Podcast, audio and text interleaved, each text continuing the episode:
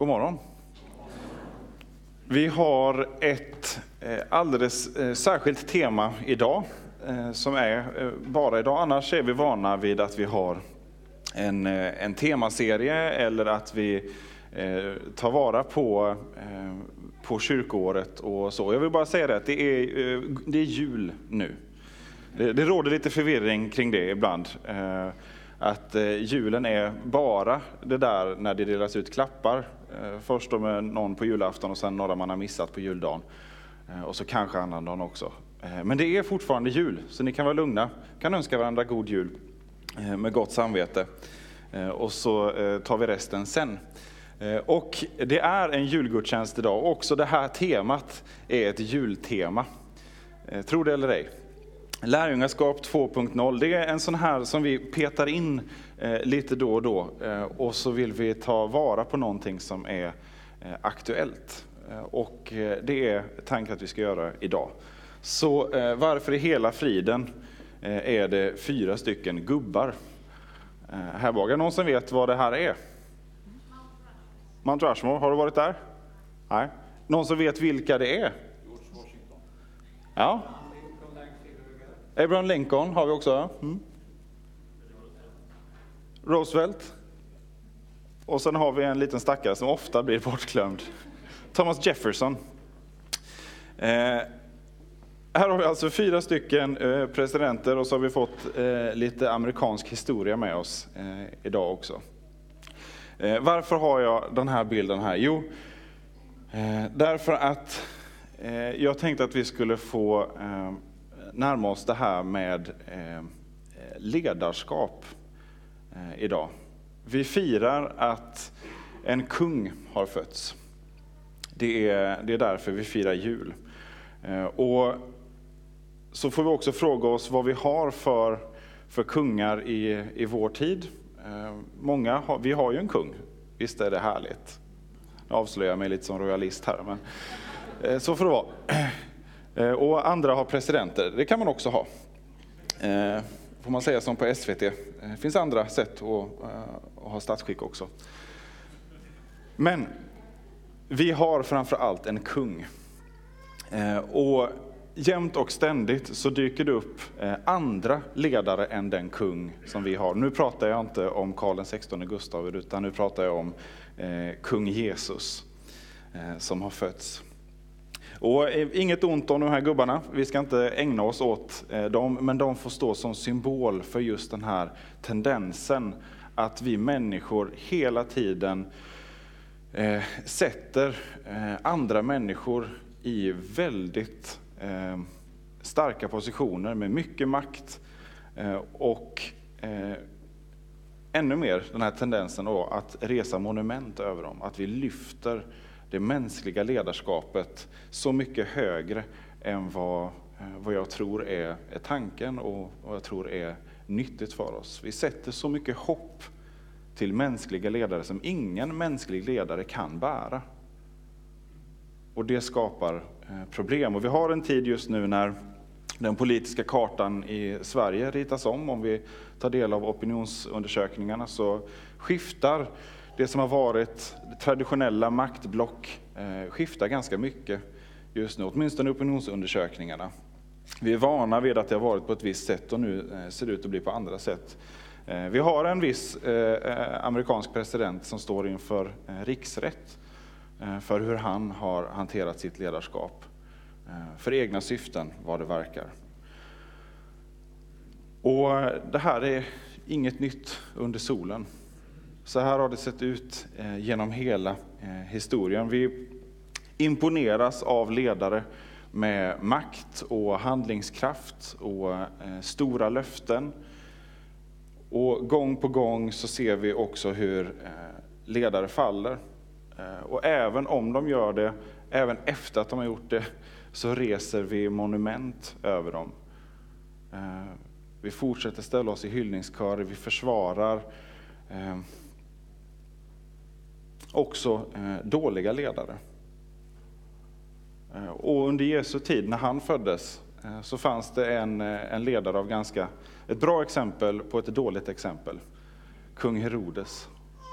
som känner sig så hotad av budskapet om att den rätte kungen har fötts. Så att han dödar alla barn i Betlehem som kan ha fötts under den här tiden som har gått Ehm, ehm, från att det har hänt. Och han var inte den första, han var inte den sista makthavaren som var beredd att släcka livet på många människor för att skydda sin egen position. Och man kan tänka, är det, har, vi inte, har vi inte lärt oss nu då? Har vi inte lärt oss att avslöja de här ledarna så många år, årtusenden av, av eh, eh dåliga eh, nationsledare? Eller åtminstone blivit cyniska, så att vi inte eh, tror på det. I viss mån är det kanske så. Eh, jag tror att i vår tid är det mer aktuellt än någonsin att kunna få sätta fingret på vad vi har runt omkring oss eh, och avslöja. Det handlar kanske inte i första hand om att avslöja enskilda ledare, utan snarare vill jag åt här vår, vår tidsanda, Eh, vår kultur. Vad gör vi med, eh, med vår syn på, eh, på ledarskap, på, på personer som får den här ledarrollen?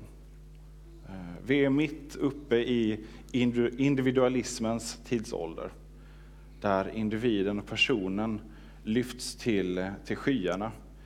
Innan så har väl eh, ledare alltid kunnat skaffa sig positioner och sådär, men man har ändå befunnit sig i kulturer med ett starkt kollektiv och en, eh, ett stort medvetande om en gemensam eh, ideologi eller vad det än är. Men idag så är det bara, det är bara individer kvar. Det är bara ditt eget varumärke och alla slåss för sitt eget varumärke.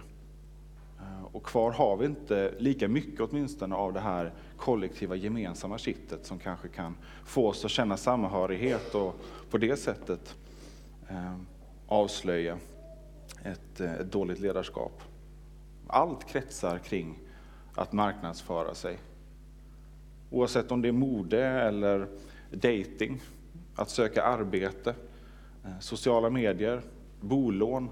Allting handlar om att hela tiden framhäva sig själv, sina bästa sidor eh, och tona ner de dåliga sidorna. Och när vi själva gör det hela tiden, hur ska vi då kunna avslöja när eh, någon ledare gör det? När vi känner igen det, eh, oss själva i en ledare så får vi förtroende. Men om det är vårt eget dåliga beteende vi känner igen i en ledare, vad säger det om oss och om vår kultur? Och idag, hur många röstar efter ideologi idag?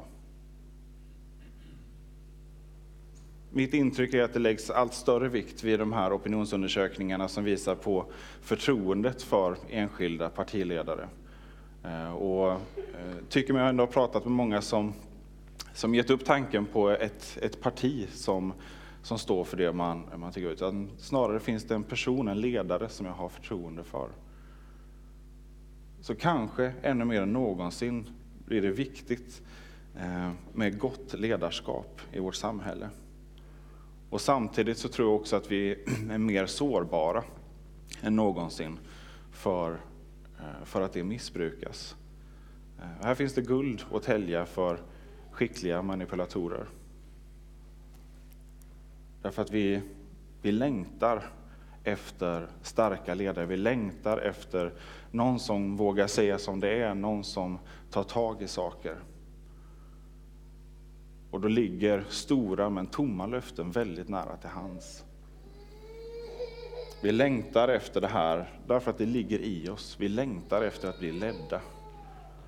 Efter att få ha en stark ledare som, eh, som kan leda oss på rätt väg.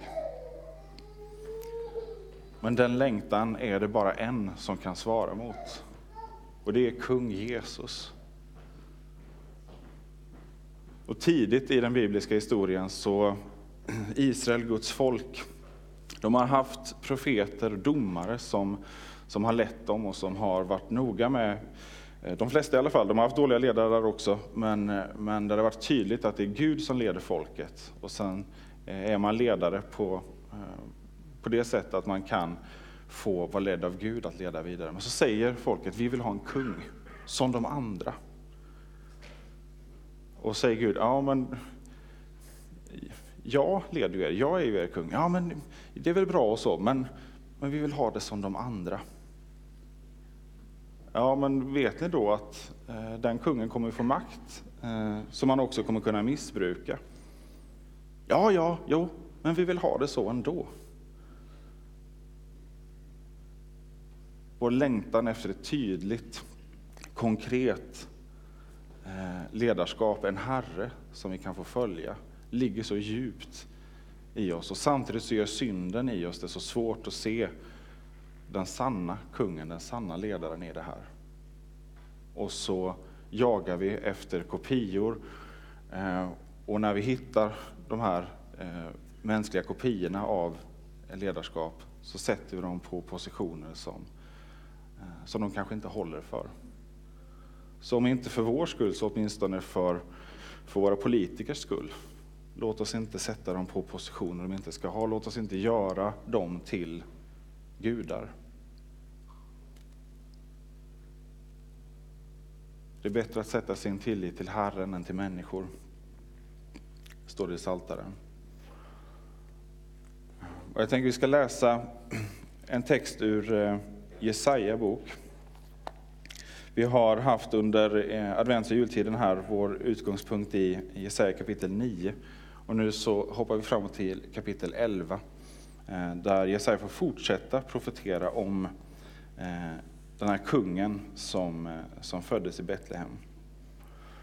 Eh, Jesaja 11, vers 1 och framåt står det så här. En gren ska växa ur Jishais avhuggna stam. Ett skott ska skjuta upp ur hans rot. Han är fylld av Herrens ande, vishetens och insiktens ande, klokhetens och kraftens ande, kunskapens och gudsfruktans ande. Han dömer inte efter skenet, skipar inte rätt efter rykten.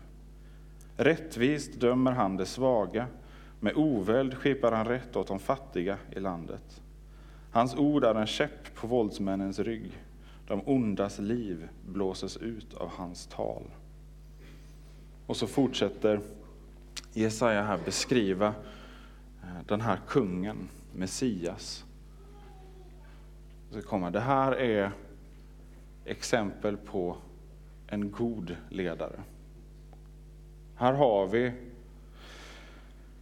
något helt annat än det som är typiskt karaktäristiskt för väldigt mycket av eh, stora ledare genom historien.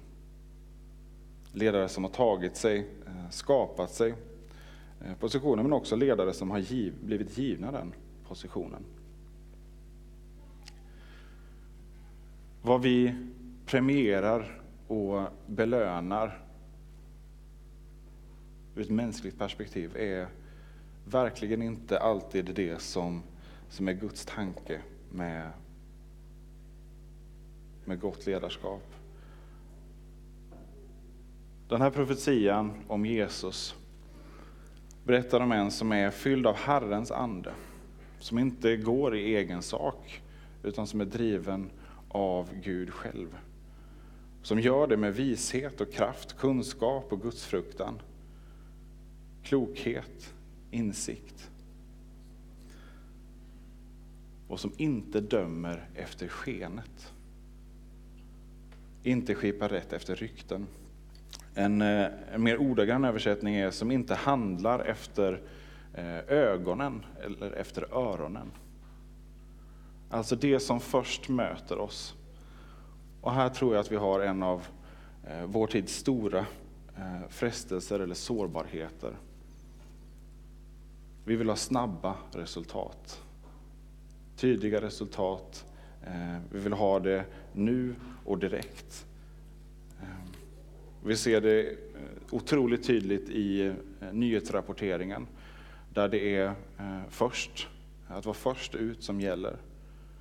Eh, det ska vara klickvänligt, det ska vara eh, lätt att eh, ta till sig och det ska gå snabbt.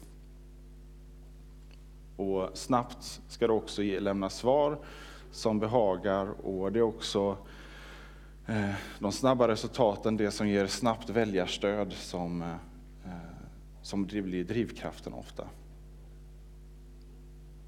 Men Jesus är något annat än det här. Rättvist dömer han de svaga. Och han dömer inte efter skenet, inte efter rykten. Det finns en helt annan karaktär hos Jesus. Sen möter vi hos honom gång på gång i evangelierna. Hur omgivningen förväntar sig att han ska vara på ett visst sätt, leda på ett visst sätt. På människors sätt snabba bedömningar på det yttre, det som verkar så självklart. Att de här människorna är på ett visst sätt, de här på ett visst sätt, på grund av det ena eller det andra. Men Jesus ser ständigt något annat än det som människor först ser.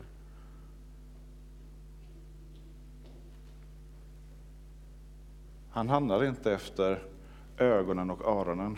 Självklart använder han sina ögon och öron, men det är inte det snabba beslutet på det, det första som möter ögon och öron. Det första jag får syn på, det första jag får höra, är det den hela bilden? Är det den sanna bilden?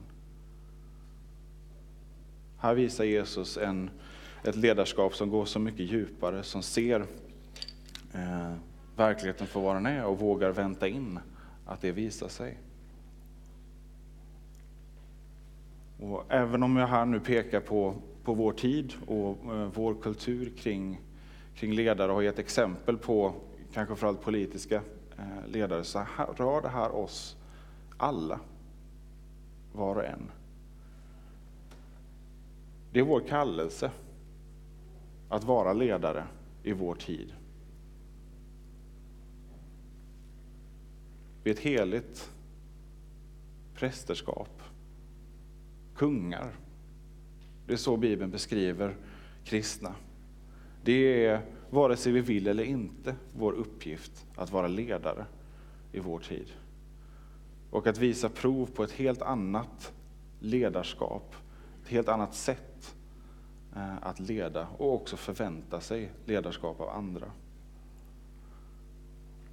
Och här behöver vi pröva oss själva.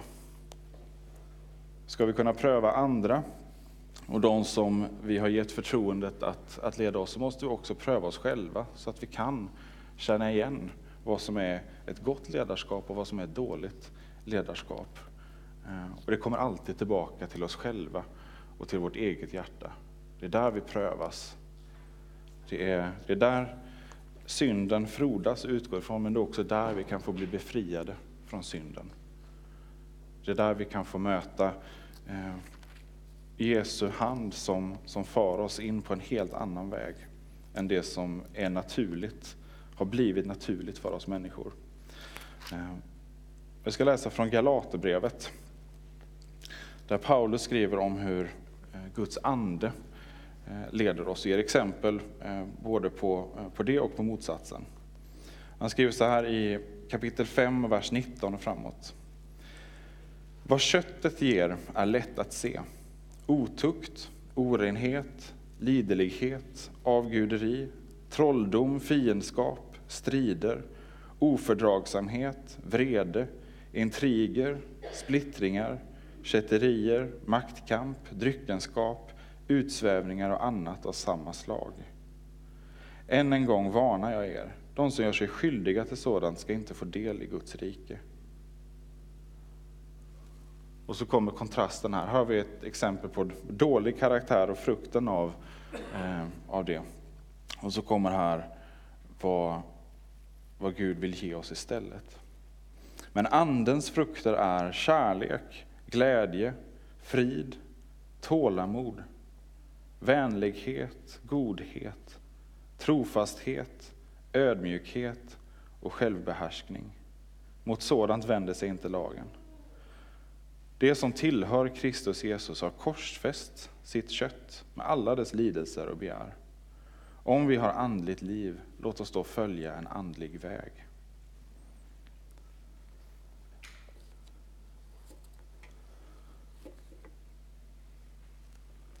När vi har den här listan av karaktärsdrag, de här två listorna av karaktärsdrag som rullas upp, återigen blir det så tydligt att se hur hur Jesus blir den tydligaste förebilden vi kan ha i det här.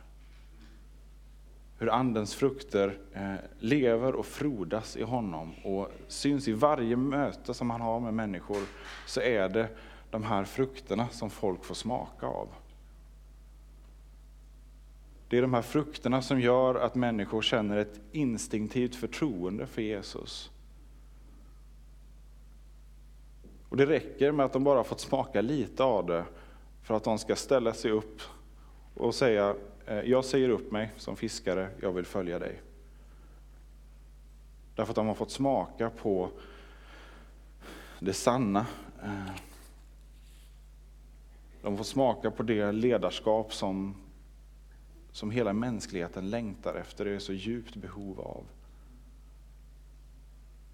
Men där vi så ofta sätter andra ledare på den platsen. Och när vi hör de här beskrivningarna, och låt oss bara fundera på köttets frukter och andens frukter. Vad är det för egenskaper som blir framträdande i, i vår kultur, de som vi ger plats åt? Eh, om vi tänker på politiska ledare, eller om det är näringslivet eller kulturen.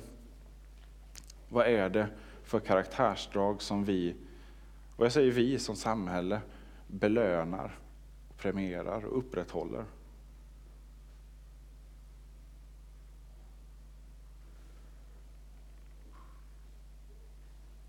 Desto viktigare att vi som, som tror oss känna sanningen, då också prövar oss själva gentemot det här.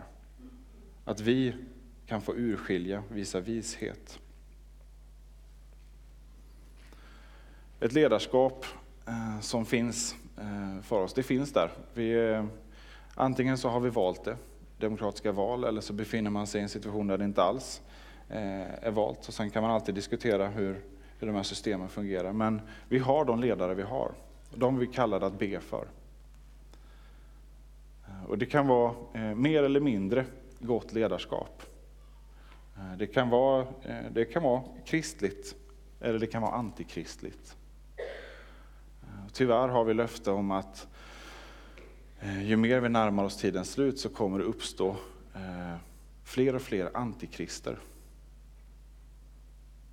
ett kanske dramatiskt ord, eh,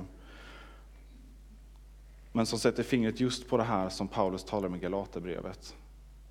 Vad är det för karaktär som blir synlig? Vad är det för, för frukter som kommer av, av det här? Effekter av, eh, av ledarskapet. Vad är det för frukter, effekter vi ser i våra liv? Vad är det som odlas eh, och gynnas. Är det kristligt eller är det antikristligt? Alltså är det frukter, karaktär som liknar Jesus själv. Eller som hela tiden hamnar i konflikt med, med honom och den han är.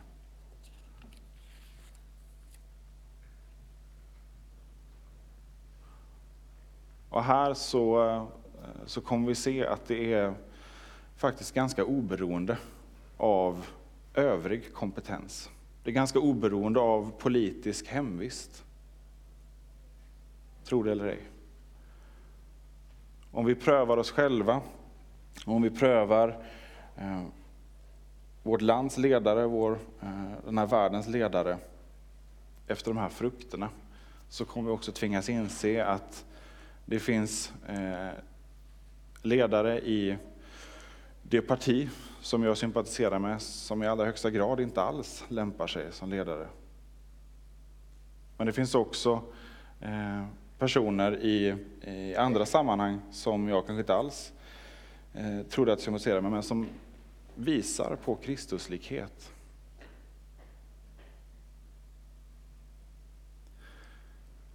Gud kallar oss till att vara ljus och salt i den här världen och då får vi inte vara begränsade till den här världens sätt att tänka.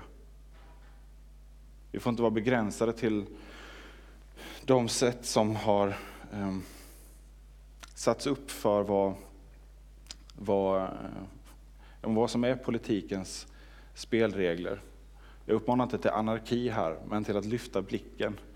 Jag kan uppmana till anarki, är det din tolkning så kör hårt. Men eh, anarkist, ja visst. Men låt oss lyfta blicken och se förbi det som, som vi är så vana vid att förvänta oss av vad, vad politiker eller ledare är eller vilka vi själva ska vara. Vi är så eh, svaga för vår, eh, vår samtid. Man brukar säga att man är barn av sin tid. Och tittar man på hur människor har handlat historiskt så kan man ursäkta ganska mycket av att ja, men de är ändå barn av sin tid. Det är svårt att avslöja sin samtid. Därför att vi är mitt i det. Därför behöver vi Guds ande. Det är bara genom Guds ande som vi kan få upp ögonen för vad en sann Kristuslik karaktär är. Det kommer hela tiden tillbaka till oss själva. Vi behöver pröva våra hjärtan, men vi måste också pröva vår samtid. Inte dras med i varken tomma löften eller utspel som, som spelar på vår eh, rädsla eh, och som ökar polariseringen i samhället. Vi måste, eh, vi måste stå över det. Vi måste låta Gud lyfta vår blick.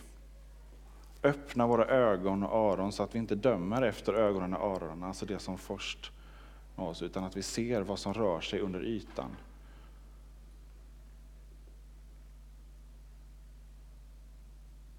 Om inte vi kan det som, som har världens skapare, vem kan då göra det? Det här är, är vårt uppdrag. Att vara salt och ljus, men om saltet förlorar sin sälta,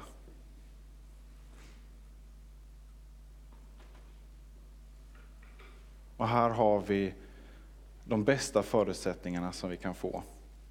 Därför att det är fortfarande jul. Julen är inte över. Eh, den varar ända till påsken och den varar ännu längre än så. Därför att vi har fått en kung som vill vårt bästa och som har gjort allt för oss. En kung som inte kommer för att vakta sin egen maktposition utan tvärtom stiger ner och blir som den minsta och den svagaste bland oss. En kung som är beredd att bli allas tjänare. Det är inte en eh, karriärstrategi som rekommenderas ehm, i vår kultur. Att böja sig för och att, eh, att tjäna underifrån. Men det är det exemplet som vår kung visar. I honom, när vi följer honom, så har vi en ledare som inte piskar oss, som inte eh, strängt pushar oss, utan som hela tiden kallar oss till sig, bjuder in oss till honom. För att bära oss, för att tvätta våra fötter, för att öppna våra ögon och öron. Hos honom finns den fullständiga befrielsen, hos honom finns allt vi någonsin längtar efter. Allt det vi längtar efter och som vi lägger hos andra människor, det finns bara ett svar på den längtan. Och det är att följa den kung som har fötts, Jesus Kristus. Följer vi honom så får vi också växa med honom. Vi får, får syn på både dåliga och goda frukter om vartannat i vårt liv och så får vi låta honom ansa och ge växt mer och mer och mer.